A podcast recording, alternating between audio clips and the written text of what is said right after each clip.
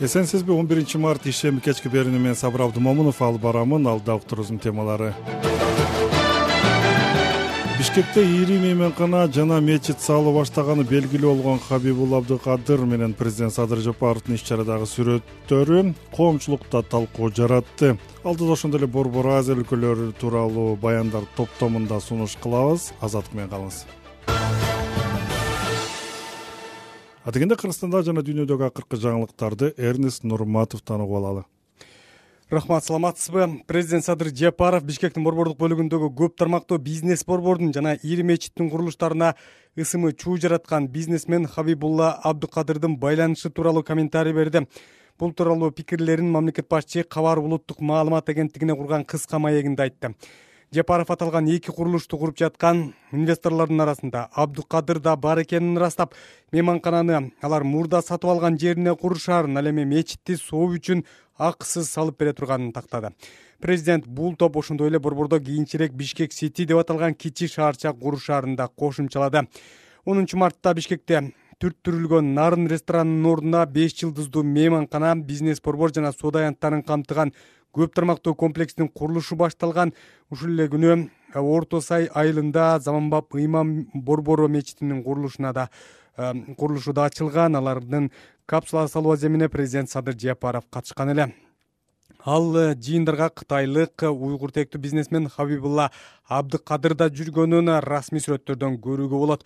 Бул социалдык түйүндөрдө бир сыйра чуу жараткан эки миң он тогузунчу жылы азаттык радиосу уюшкан кылмыштуулукту жана коррупцияны иликтөө долбоору анын кыргызстандагы өнөктөшү клуб медиасы чогуу жүргүзгөн бир нече иликтөөлөр жарыяланган анда көпчүлүккө белгисиз хабибулла абдыкадыр аттуу адамдын үй бүлөсүнүн карго компаниясы кыргыз бажысындагы көмүскө схемалар аркылуу ири суммада акчаны адалдаштырып миллиондогон доллар мыйзамсыз өлкөдөн чыгарылып турганы көрсөтүлгөн. Иликтөөдө ал иштерге мамлекеттик бажы кызматынын жетекчисинин мурдагы орун басары райымбек матраимовдун тиешеси бар болушу ыктымал экени айтылган. Алдыда бул жөнүндө макаладан да уга аласыз украинанын президенти владимир зеленский түндүк агым жана түндүк агым эки газ куурларындагы жарылууларга киевдин тиешеси жоктугун билдирди. Бул тууралуу ал соңку кайрылуусунда маалымдап мындай жалган маалымат украина армиясына аскердик жардам берүүнү жайлаткысы келген өлкөлөр үчүн пайдалуу экенин айтты. Украинцы точно цого не робили зеленский мындай билдирүүлөрдүн артында орусия турарын белгиледи. Ал украина азыр орусия менен эле эмес москва менен соодасы солгундап бизнеси жабыр тарткандар менен да күрөшүп жатканын кошумчалады. Зеленскийдин айтымында бул евро биримдиктин бир катар өлкөлөрүнө да тиешелүү буга чейин батыштын бир катар алдыңкы маалымат каражаттары орус газ түтүктөрүн бузууга белгилүү бир украиначыл топ катышканын жазып чыгышкан. Анын катышуучулары бул ишти украин бийлиги менен макулдашпаганын айтышкан. Зеленский басма сөздөгү мындай маалыматтарды өтө кооптуу деп атады эки миң жыйырма экинчи жылдын сентябрында түндүк агым бир жана түндүк агым эки газ куурларынын төрт линиясынын үчөө зыян тарткан түндүк агым эки түтүгүндөгү иштебеген бир линия бүтүн калган. Орусиянын украинага чабуулуна байланыштуу ал линияга каршы санкция салынган түндүк агым бир орус газын германияга жеткирүүчү негизги куур болуп андан ары евро биримдик өлкөлөрүнө бөлүштүрүлчү ош шаарынын амир темур кичи районунун түштүк тарабында курал жарак жана ок дарылар сакталган жашыруун жай табылды. Бул тууралуу улуттук коопсуздук боюнча мамлекеттик комитет кабарлады. Мунун алдында кылмыш жаза кодексинин террордук акттарды уюштуруу аракеттери боюнча кылмыш иши козголуп кылмыштардын бирдиктүү реестрине катталып иликтенип жаткан жашыруун жайда желим баштыктан револьвер үлгүсүндөгү тапанча италиялык өндүрүштөгү тапанча чет элдик өндүрүштөгү тапанча алынды. Ошондой эле граната детонатор капсуласы башка автоматтарга магазиндер ок дарылар алынды. Табылган ок атуучу куралдар жана ок дарылар боюнча укмкнын ош шаары жана ош облусу боюнча башкы башкармалыгынын тергөө бөлүгүмү э, тарабынан тиешелүү экспертизалар дайындалды кытайдын мамлекеттик кеңешинин премьери өкмөт башчы кызматына коммунисттик партиянын шанхай кызматташ э, шанхай шаардык комитетин башкарган ли цян дайындалды. Анын талапкерлигин он биринчи мартта эл өкүлдөрүнүн бүткүл кытай кеңешинин үч миңдей депутатынын дээрлик баары колдоду. Онунчу мартта си цзиньпинди кытайдын төрагасы аталган депутаттар си цзиньпинди кытайдын төрагасы кызматына кайрадан бир добуштан шайлаган алтымыш үч жаштагы ли цян өткөн жылдын жаз айларында ковид он тогуз пандемиясы курчуп турган маалда шанхайдын калкын иш жүзүндө изоляцияда кармап нааразылыктарды басып отурган соң си цзиньпинге жага түшкөнү маалымдалып келет кытайдын конституциясына эки миң он сегизинчи жылы киргизилген өзгөртүүлөргө ылайык коммунисттик партиянын борбордук комитетинин баш катчысынын башкаруу мөөнөтүнө киргизилген чектөө алынып салынган. Мурда кытайдын төрагасы эки мөөнөт гана шайлана алчу си цзиньпин кытайды эки миң он экинчи жылдан бери башкарып келет. Ал өлкө тарыхында бул беш жылдык ордунда үч мөөнөт катары менен отурган биринчи башчы болуп калды түркияда жер титирөөдөн жабыркагандар үчүн ачылган атайын эсепке жүз миллион сом он сегиз миң рубль жана алтымыш беш доллар түштү. Бул тууралуу кыргызстандын финансы министрлиги сайтына жарыялады. Жабыркагандар үчүн министрликтин борбордук казыналыгында атайын бирдиктүү эсеп ачылган. Жардам берүүнү каалагандар эсептин реквизиттерине сом доллар рубль жана евро валютасында каражат которулат андан сырткары кыргызстанда өз алдынча акчалай жана гуманитардык жардам чогулткандар бар түркиянын зилзала болгон аймактарындагы куткаруу иштерине кыргызстандан эки жүзгө жакын куткаруучу жана алты дарыгер барып жыйырма биринчи февралда кайтып келишти. Алтынчы февралда түркия менен сирия чектешкен аймакта күчү жети жарым жети бүтүн ондон сегиз баллга жеткен жер титирөөдөн каза болгондордун жалпы саны элүү миңден ашты. Жараат алгандар жүз он беш миңдин тегерегинде рахмат. Жаңылыктар менен эрнест нурматов тааныштырды бул жана башка кабарлар азаттык чекит ор сайтында ошондой эле биздин тиркемеде бар. Баардык социалдык тармактагы биздин баракчаларга жазылып койсоңуз сизге билдирме катары келип турат эми эртең он экинчи мартка карата аба ырайы кыргызстандын көпчүлүк аймактарында жаан тоолуу райондордо кар жаайт айрым райондордо шамалдын күчү он беш жыйырма метрге чейин жетет чүй районунда түнкүсүн тогуз он төрт күндүз он үч он сегиз градус талас чергесинде түнкүсүн беш он градус күндүз он бир он алты градус баткен ош жалал абадда болсо түнкүсүн тогуз он төрт күндүз жыйырма бир градуска чейин ысыйт. Ысык көл облусунда түнкүсүн нөл плюс беш күндүз он эки он жети градус нарындын өрөөндөрүндө түнкүсү минус төрт минус тогуз градус күндүз плюс төрт плюс тогуз градус. Бийиктөөлөрдө болсо түнкүсүн минус жыйырмага чейин түшөт аяздын күчү күндүз нөл плюс беш градус болот. Бишкекте эртең күндүз жамгыр жаайт абанын температурасы түнү тогуз он бир күндүзү он алты он сегиз градус жылуу болот.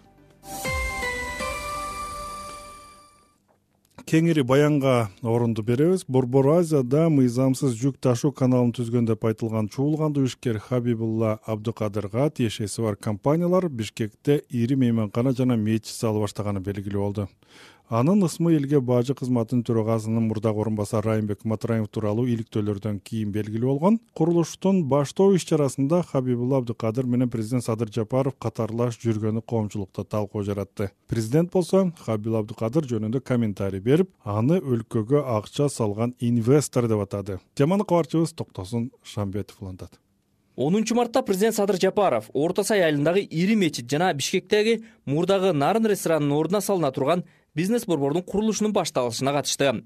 Президенттик администрация бул курулуштарды өлкөгө келген эң ири инвестиция катары сыпаттап бийликтин кезектеги ийгилик катары байма бай жарыялады. Бишкектин чок ортосундагы нарын ресторанынын ордуна беш жылдыздуу мейманкана бизнес борбор турак жай комплексин батырган көп кабаттуу имарат курулса борбор калаага танапташ жайгашкан орто сай айылында жыйырма миң кишилик мечит курулаары белгилүү болду бул курулуштардын пайдабалын түптөө иш чарасында тартылып президенттик администрация тараткан фото видеолордо эл аралык медиалардын акча адалдоо мыйзамсыз жүк ташуу боюнча иликтөөлөрүндө аты чыккан кытайлык ишкер хабибулла абдукадырдын президенттин жанында жүргөнү коомчулукта кызуу талкууга жем таштады. Президенттин баспы сөз кызматы бишкектеги долбоорлордо кайсы компаниялар ишке ашыра турганын айтып алардын ээси ким экенин ачык айткан эмес орто сайдагы мечитти чет элдик инвестор курат деген маалымат менен гана чектелген. Коомчулуктагы талкуулардан кийин он биринчи мартта президент садыр жапаров кабар маалымат агенттигине чуу жараткан теги кытайлык ишкер хабибулда абдукадыр жөнүндө комментарий берип аны инвестор деп атады. Жапаров аталган эки курулушту куруп жаткан инвесторлор арасында абдукадыр дагы бар экенин ырастап мейманкананы алар мурда сатып алган жерине курушаарын ал эми мечитти сооп үчүн акысыз салып бере турганын тактады. Кыскасы бишкекке баш аягы бир жарым миллиард доллар инвестиция салышат. Мунун эмнеси жаман? Ал эми мурдагы президенттер менен кандай мамиледе болгону мени кызыктырбайт. Эң негизгиси кылмыш иши жок болсо издөөгө алынбаса болду. Мага кыргызстандан акча чыгарып кетпей тескерисинче акча киргизгендер болсо келгиле ар кайсы тармакка акча салгыла деп баарын чакырам. Кол чаап тосуп алам. Интригадан башы чыкпаган журналисттердин же саналуу адамдардын сын пикирлеринен коркпойм. Эң негизгиси жаман иш жасап коррупцияга аралашып кетпесем болдубу жалпы эл кудай баарын көрүп турат. Президент бул топ борбор калаада кийинчерээк бишкек сити деп аталган кичи шаарча куру шаарын дагы кошумчалады президент жапаров бажы тармагындагы саналуу адамдардын чөнтөгүнө миллиарддаган акча түшүп турган системаны эки миң жыйырма биринчи жылы жок кылганын билдирди бирок ал адамдар кимдер болгонун ачык айткан жок. Бишкектеги ири курулуштарга инвестор катары келген кытайлык уйгур тектүү бизнесмен хабибулла абдыкадыр азаттык радиосу уюшкан кылмыштуулукту жана коррупцияны иликтөө долбоору жана анын кыргызстандагы өнөктөшү клоп басылмасынын иликтөөлөрүндө бажы кызматынын төрагасынын мурдагы орун басары райымбек матраимов менен байланышы анын ичинде дубайдагы бизнес өнөктөшү экенин аныктаган. Бул иликтөөлөрдө абдыкадырдын үй бүлөсү матраимов менен биргеликте мыйзамсыз иштерге катышы бар болушу мүмкүн экени айтылган. Бул иликтөөлөр кезегинде кыргызстанда чоң резонанс жаратып эки миң жыйырманчы жылдагы октябрдагы элдик толкундоонун себептеринин бири болгон. Дал ушул толкундоонун шарапаты менен учурдагы президент садыр жапаров бийлик башына келген. Азыркы тапта бишкекте башталган долбоорлордо абдыкадырдын үлүшү канчалык экени ачык жарыялана элек. Бирок буга чейин опен демокраси басылмасы абдукадырдын бул үй бүлөсүнүн германияда катталган компаниясына тиешеси бар экенин жазып чыккан. Ал эми бул компания нарын ресторанынын ордуна салынчу комплекстин инвесторлорунун бири катары көрсөтүлүүдө. Дал ушул жагдайда жарандык активист айбек теңизбаев мыйзамсыз карго империясына байланышы бар адамдын бийлик башындагылар менен мамилеси өлкөгө инвестиция салып сооп иш кылып жатышы күмөн ойлорду жаратууда деди. Ошондой проекттер аркылуу кайрадан кыргызстандан э, ошондой акчаны жууп чыгарып кетүү аракети дагы болушу мүмкүн деген мен жеке ойго келип атам да. Эми андай адамдар андай инвесторлор жөн эле келип акчасын салбайт да. Эми түшүнүктүү да бул жалпы логикага таянсакчы. Мындай кир жол менен э, уурулар алдамчылар келип өзүнүн ишин кылып жатат да. Ушундай абал ушундай шарт ушундай окуялар ушундай кызматташуулар кыргызстандын жалпы имиджин эч качан жакшы жакка алып барбайт жана обош беттерди бузат да. Президент кыргызстандын башчысы биринчи адамы болгондугунан улам мыйзамдын гаранты болгондугунан улам эч качан мындай авантюраларга мындай окуяларга аралашпаш кереги болчу да менин оюмчачы саясатчы өмүрбек субаналиев журналисттик иликтөөлөрдө таталган адамдын ишине ириде укуктук баа берилиши керек деп эсептейт. Субаналиев хабибулла абдукадыр өлкөдө таасирдүү адамдар менен коюн колтук алышып алганын айтты элдин баардыгы билет анын баардыгын кандай жол менен акча тапканын а бүгүнкү күндө эми кайта инвестор болуп келип атканы э, кандай болот? Э, еще эмете элекпиз да мындай. Осознавать эте элекпиз да. Абдыкадыр менен э, кыргызстанда көбү куда болуп баардыгы мындай отношенияны биздин саясатчылар көбү отношения түзүп алышкан да баардыгы. Бул жерде кыргызстанда көбүнө спонсор болуп эле э, өз үйүндө жүргөндөй эле жүрүп атат болгону ошо. Э, негизи э, эме айтпай атпайбы ким спонсор болуп атат депчи жанагы кайсы жерде бирдекелерди курса эле баардыгы эле спонсорлордон алдык спонсорлордун аттарын айтпайбыз деп эле тияка деле учса бияка деле учса эле баардыгы айтып атпайбы спонсорлор жардам берип атат деп эле. Вот кеп ошодо болбойбу ачык бюджет болбой атат. А негизи бүт баардыгы бюджет аркылуу өтүш керек да кыргызстанда. Негизи дүйнө жүзүндө таза акча анан э, кир акча деп бөлүнөт да. Анан эле акча кире берсе эле баардыгын ала бергендей э, болбойт да. Анткени орто сай айылындагы заманбап ыйман борбору мечити жыйырма миң кишиге ылайыкташып намаз окууга жана дин таанууга баардык шарттар түзүлөрү айтылды. Долбоордун баасы элүү бир миллион акш долларына бааланганы белгилүү болду. Политклиника басылмасы мечит курула турган жер тилкеси мурдагы премьер министр данияр үсөновго таандык болгонун жазды. Басылманын билдиришинче пакиевтердин бийлиги кулагандан кийин жер тилкеси камакка алынып жыйынтыгында эки миң жыйырма экинчи жылы участоктун бир бөлүгү президенттин иш башкармалыгына өткөн. Кытайда төрөлгөн хабибулла абдукадыр азаттык радиосунун уюшкан кылмыштуулукту жана коррупцияны иликтөө долбоорунун жана клоп порталынын иликтөөсүнө чейин эч ким билбеген сүрөтү дагы эч бир жерде чыкпаган көмүскөдөгү уйгур үй бүлөнүн улуусу. Үч медианын иликтөөсүндө абдукадырдын үй бүлөсү борбор азиядагы карго компаниясына декларацияланбаган жана бажыда бурмаланып катталган товарларды кытайдан кыргызстанга ташып андан ары чөлкөмдөгү башка базарларга жеткирип турганы ачыкталган чогуу жүргүзүлгөн бажыдагы миллиондор каракта жана калколоо жана көмүскө акча ташыгандар кербени деген иликтөөлөрдө көпчүлүккө белгисиз хабибулла абдыкадырдын үй бүлөсү карго компаниясы кыргыз бажысындагы көмүскө схемалар аркылуу ири суммадагы акчаны адалдаштырып миллиондогон доллар мыйзамсыз өлкөдөн чыгарылып турганы көрсөтүлгөн. Иликтөөдө кыргызстандын бажы кызматынын башчысынын мурдагы орун басары райымбек матраимовдун аты аталган андан кийин азаттыктын матраимовдор иши дубайдагы мүлк деген иликтөөсүндө кыргыз бажысынын мурдагы таасирдүү жетекчиси райымбек матраимовдун жубайынын дубайда борбор азиялык көмүскө үй бүлө менен чогуу инвестициялык бизнеси бар экени айтылган. Ал иликтөөдө өнөктөш инвесторлордун арасында борбор азияда жүз миллиондогон долларларды көмүскө карго империясын түзгөн абдыкадырдын үй бүлөсү дагы бар болчу казак жарандыгын алган абдыкадырдын өмүр баяны тууралуу ачык маалыматтарда дээрлик жок эсе. Анын ысымы түрдүү өлкөлөрдөгү компаниялардын расмий документтеринде гана кездешет. Ал документтерге ылайык эки миңинчи жылдардын башынан тарта хабибулла абдыкадырдын кытайда казакстанда жана өзбекстанда иш жүргүзгөн компанияларга тиешеси бар. Хабибулла абдыкадыр кыргызстандын президенти сооронбай жээнбековдун эки миң он жетинчи жылдын ноябрь айындагы инаугурациясына катышып жээнбековдун бир тууганы ошол кездеги кыргызстандын украинадагы элчиси жусупбек шариповдун жанында отурган сүрөтү чыккан. Эки миң он тогузунчу жылы ошол кездеги президент сооронбай жээнбеков жыл жыйынтыгын чыгарган пресс конференцияда аны тааный турганын бирок эч кандай мамилеси жок экенин айткан. Боюнча эмилеткөндө айтканмын айтканмын э, бул боюнча чыкканда атайын пресс служба меники муну берген сен окушуң керек. Кааласаң ошону кайталап берейин кайталап берейин бул боюнча адамдарды чакыруу боюнча аларды отургузуу боюнча бүт менин инаугурация болгон уюштуруу маселелерин мурунку президенттин аппараты алып барган. Мен ага кечкен эмесмин. Мен бул кишини тааныйм тааныбайм дебейм мен ошто губернатор болуп иштегенде иштегенде иштеп жүргөндө алыскы жакта иштедим биз кашкар менен кызыл суу кыргыз автономия областы менен дос областтар болчубуз жылда ала келди биз барат эле кийинки жылы. И бизде он экинчи жылы он үчүнчү жылы бизнес форум өткөзбүз ярмарка. Кызыл суу автономия областы өткөргөн ошондо иниси келген ошо менен ошондо таанышканмын иши менен аны менен мурунку президентке жолугушкан болгонбуз анын губернатор болгон баары чогуу ошол аркылуу мен аны тааныйм и ал киши менен жолугушуум он жетиси болгон он жетинчи жылы аны дагы атамбаев кабир үчөөбүз жолукканбыз жолугуп кийин улар кандай мамиле кылды муну билбейм бирок тааныйм инаугурация келди андан көп өтпөй. Абдыкадырдын кыргызстандын мурдагы президенти алмазбек атамбаев менен чогуу турган сүрөтү интернетке жарыяланып кеткен.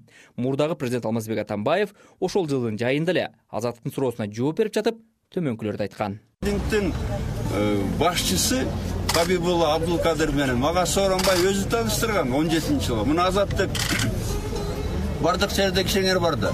Таап туруп сурагыла хабибулла кудайга ишенген корккон адам айтат да сурагыла кантип тааныдың атамбаевди мага аны сооронбай тааныштырган. Райымбек матраимов эки миң жыйырманчы жылдагы октябрь окуясынан кийин улуттук коопсуздук кызматы тарабынан коррупцияга айыпталып кармалган. Ал сотто күнөөсүн мойнуна алып мамлекетке эки миллиард сом төлөп бергенден кийин абактан бошотулган. Токтосун шамбетов азаттык сиз угуп жаткан азаттык радиосу бул макаланын текст түрүн сиз сайтыбыздан ошондой эле социалдык тармактагы баракчаларыбыздан таба аласыз пикир калтырыңыз бөлүшүңүз эми болсо жаңылыктардын кыскача мазмуну. Президент садыр жапаров бишкектеги борбордук бөлүгүндөгү көп тармактуу бизнес борбордун жана ири мечиттин курулуштарына ысымы чуу жараткан бизнесмен хабибулла абдыкадыр байланышы тууралуу комментарий берди. Жапаров аталган эки курулушту куруп жаткан инвесторлордун арасында абдыкадыр да бар экенин ырастап мейманкананы алар мурда сатып алган жерине курушаарын ал эми мечитти сооп үчүн акысыз салып бере турганы такталды украинанын президенти владимир зеленский түндүк агым бир түндүк агым эки газ куурларындагы жарылууларга киевдин тиешеси жоктугун билдирди.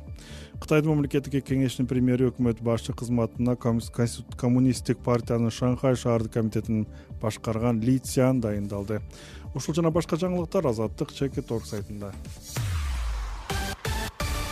Эми болсо борбор азия баяндарын топтомун сунуш кылабыз арыбаңыз угарман ободо азаттык үн алгысы борбор азия апта ичинде түрбөүн сунуштайбыз. Алдыдагы баяндардын кыскача мазмуну. Өзбекстанда конституцияга өзгөртүү киргизүү референдуму отузунчу апрелге белгиленди. Freedom house тажикстанды кайрадан эркин эмес өлкөлөрдүн катарына кошту эми ушул темалар тегерегинде кеңири баяндарга өтсөк микрофондо мен элвира будайчиева угарман оболу чөлкөмдөгү учкай жаңылыктарга токтолсок. Акылбек жапаров өзбекстанга иш сапары менен сегизинчи мартта барды. Ал президент шавкат мирзиеев баштаган өлкө жетекчилери менен жолукту. Жапаровдун өзбекстандагы жумушчу сапары алкагында он беш документке кол коюлду жана бир катар өнөр жай жана өндүрүш ишканаларын кыдырды. Буга чейин жапаров жизак облусундагы манас айылында жашап жаткан этникалык кыргыздар менен дагы кездешүүнү көздөп жатканы айтылган. Кыргызстандын улуттук коопсуздук кызматы онунчу мартта өзбекстандын наманган облусунда кыргыз жаранын уурдоого шек саналып эки адам камалганын билдирди. Анда бул операцияны эки өлкөнүн атайын кызматы биргелешип жүргүзгөнү белгиленген. Маалыматка караганда кыргыз жараны беш ай мурда былтыр октябрда уурдалып ошондон бери барымтада отурган. Укмк уурдалды деген кыргыз жараны чек арадан өтүп келген. Туугандары менен жолугуп жаткан учур тартылган сүрөт видеолорду жарыялады. Бул фактыны өзбекстандын коопсуздук кызматы териштирип иликтеп жатканын билдирди ушул апта казакстандын мурдагы коргоо министри мурат бектанов катаал режимдеги колонияга он эки жылга кесилди. Бул тууралуу мамлекеттик басылмалар аскердик сотко шилтеме кылып билдиришти. Өкүм жыйырма төртүнчү февралда чыкканы белгилүү болду. Бектанов январь окуяларынан кийин козголгон кылмыш ишинин алкагында кызмат абалынан аша чабуу беренеси менен соттолду. Бектанов былтыр он тогузунчу январда кызматынан алынып февралда кармалган. Кийинчерээк кылмышка шектүүнүн күжүрмөн кырдаалда кызмат абалынан кыянаттык менен пайдаланганы оор кесепеттерге алып келген деп негизделген. Тергөөнүн маалыматына таянсак өзгөчө абал жарыяланган маалда бектанов мыйзамсыз буйрук берип аскердик стратегиялык объектилерди кайтаруусуз калтырган тажикстандагы дагы бир журналист кармалганы кабарланды. Заравшан өрөөнүндөгү элдин көйгөйүн көтөрүп жергиликтүү бийликтин кемчилигин көрсөтүп жүргөн хуршет фазиловду алтынчы мартта атайын кызматтын өкүлдөрү алып келгенин анын апасы билдирди. Улуттук коопсуздук мамлекеттик комитетинин пенженттеки бөлүмүнүн кызматкерлери кармап кеткени айтылган фазиловго кандай айып тагылып жатканы белгисиз. Отуз жети жаштагы фазиловдун туугандары ага адвокат берилбегенине тынчсызданууда. Озоди радиосу буга чейин комментарий алууга мүмкүн болбогонун жазды. Былтыр тажикстанда жети журналист жана блогер кармалып жети жылдан жыйырма бир жылга чейин эркинен ажыратылды. Аларга жалган маалымат тараткан экстремисттер менен кызматташкан деген айыптар коюлган. Журналисттер аны моюнга алган эмес өзбекстанда конституцияга өзгөртүү киргизүү референдуму отузунчу апрелге белгиленди. Онунчу мартта парламентте мыйзам чыгаруу палатасы өзбекстан республикасынын конституциясы жөнүндө мыйзамын талкуулап добуш берүүнү отузунчу апрелде өткөрүүнү сунуштаган. Жума күнү аны депутаттардын дээрлик баары колдоду. Жаңы конституция эски нормалардын топтому дегендер да жок эмес. Кененирээк рахат кеңешова айтып берет өзбекстанда конституция боюнча референдум отузунчу апрелде өтөт. Бюллетенде сиз өзбекстан республикасынын конституциясы жөнүндөгү конституциялык мыйзамды кабыл аласызбы деп жазылат. Мыйзам чыгаруу палатасынын жыйынында баш мыйзам алтымыш беш процент өзгөргөнү белгиленип аны мындан ары өзбекстандын жаңы конституциясы деп атоо сунушталды. Жыйында мыйзам чыгаруу палатасынын төрагасы нурдинжон исмаилов өзбекстанда конституцияны кабыл алуу күнү сегизинчи декабрь өзгөрүүсүз каларын баш мыйзамдын жаңы редакциясы гана кабыл алынып жатканын айтты. Конституциябыз өзүнүн күчүн жоготпойт азыркы конституциябыз күчүн жоготпойт күчүн сактап калат. Биз текстине гана өзгөртүү киргизип жатабыз. Конституция кабыл алынган күн сегизинчи декабрь улуттук майрам катары белгиленет деди исмаилов өзбекстандык депутаттар коомчулуктан келген эки жүз миңден ашуун сунушту карап чыккан. Анын жыйынтыгында баш мыйзамга өзгөртүүлөрдү жана толуктоолорду киргизүү тууралуу мыйзам долбоорунун акыркы варианты даярдалган. Өзбекстандын азыркы конституциясында жүз жыйырма сегиз берене бар. Жаңыланган баш мыйзамда беренелердин саны жүз элүү беш. Газета уз басылмасынын кабарчысы шухрат латипов айтылып жаткан жаңы конституция эски нормалардын топтому экенин телеграм каналына жазды башында конституцияга өзгөртүүлөр тууралуу гана сөз болуп жатканы айтылган. Азыр эми алтымыш беш пайызы өзгөртүлгөн жаңы конституция тууралуу сөз болуп жатат. Учурдагы баш мыйзамга кайталанган нормаларды киргизүү жаңы конституция эмес анын саны гана көбөйөт коңшу өзбекстанда апрелде жаңы конституция кабыл алынса азыркы президенттин буга чейинки эки мөөнөтү жокко чыгарылып үчүнчү мөөнөткө мамлекет башчы болууга ат салышууга жол ачылат. Эске сала кетсек президент шавкат мирзиеев конституциялык реформа тууралуу биринчи жолу эки миң жыйырма биринчи жылы экинчи президенттик мөөнөткө киришер алдында инаугурациясында сүйлөгөн сөзүндө билдирген ошол эле жылы өзбек лидери баш мыйзамды эки миң жыйырма экинчи жылы өзбекстандын конституциясынын отуз жылдыгына карата кабыл алууну сунуштаган эле. Өзбекстанда конституцияны өзгөртүү демилгеси былтыр көтөрүлүп автономиялуу кара калпакстан республикасында нааразылык чыккан. Жумурияттын суверендүүлүгү тууралуу беренелерди конституциядан алып салууга каршылар нукус шаарында демонстрация өткөрүшкөн. Биринчи экинчи июлдагы митингдер күч менен басылганда кан төгүлгөн өзбек бийлиги жыйырма бир адам каза тапканын эки жүз кырк үч адам жараат алганын кабарлаган беш жүздөн ашуун адам кармалган. Анда президент шавкат мирзиеев кара калпакстанга барып баш мыйзамдагы бул республикага таандык мурдагы беренелер өзгөртүүсүз калтырылаарын айткан угарман сиз борбор азия баяндарын угуп жатасыз. Freedom house эл аралык уюму дүйнөдөгү эркиндик эки миң жыйырма үч аттуу жаңы баяндамасында тажикстанда авторитардык саясий системадагы эркин эмес өлкөлөрдүн катарына кошту тогузунчу мартта жарыяланган баяндамада дүйнөдөгү жүз токсон беш өлкөдөгү саясий жана жарандык эркиндикке баа берилген. Анда глобалдык эркиндиктин деңгээли он жети жыл катары менен төмөндөп жатканы белгиленип өткөн жылдын жыйынтыгы менен дүйнөдөгү жүз токсон беш өлкөнүн сексен төртү гана эркин деп табылганы жазылган. Борбор азиядагы эркиндиктин абалын баш кеңсеси вашингтондо жайгашкан freedom house уюмунун европа жана евразия чөлкөмү боюнча улук изилдөөчүсү майкл смельцер кесиптешим кубат касымбеков менен болгон маегинде түшүндүрүп берди январь окуяларынан кийин казакстанда бир катар саясий өнөктүктөр болду. Казакстан конституциясын өзгөртүп касым жоомарт токаев экинчи президенттик мөөнөтүнө шайланды. Токаев бир катар саясий реформаларды убада кылганын айтып өттүк. Бирок иш жүзүндө бул убадалар өзгөчө демократия адам укуктарына байланыштуу убадалар канчалык аткарылып жатат десек болот. Бул маселе өзгөчө казакстанда алдыдагы парламенттик шайлоонун фонунда маанилүү болуп турган эсет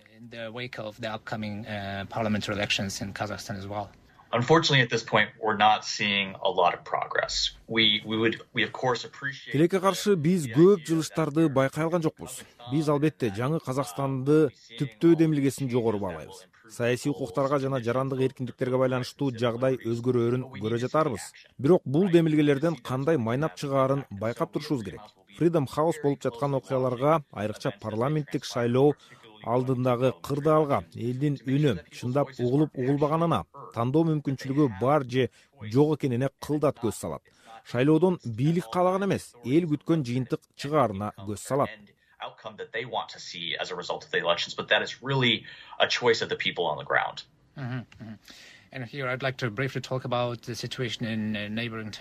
freedom house уюму соңку баяндамасында тажикстанда да басмасөз эркиндигин ачырлап кеткенине көңүл бурган экен былтыр бул өлкөдө бир топ көз карансыз блогерлер жана журналисттер куугунтукка кабылды. Айрымдары абакка түштү. Бул аптада да бир журналист кармалганы кабарланды. Тажикстандагы басма сөз эркиндигине жалпы эле жарандык эркиндиктин абалына кандай мүнөздөмө бересиз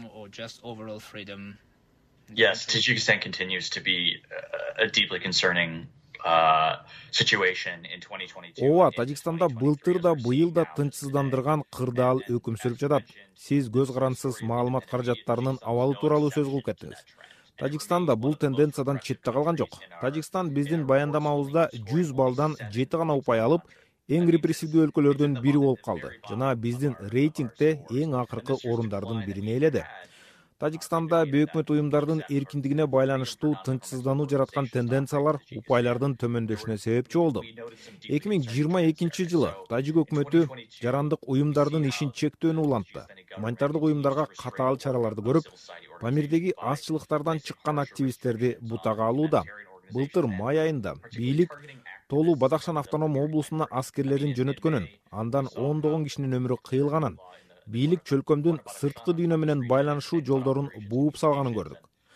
Абал абдан оор чынында тажикстанда болуп жаткан окуяларга көбүрөөк көңүл бурулушу керек.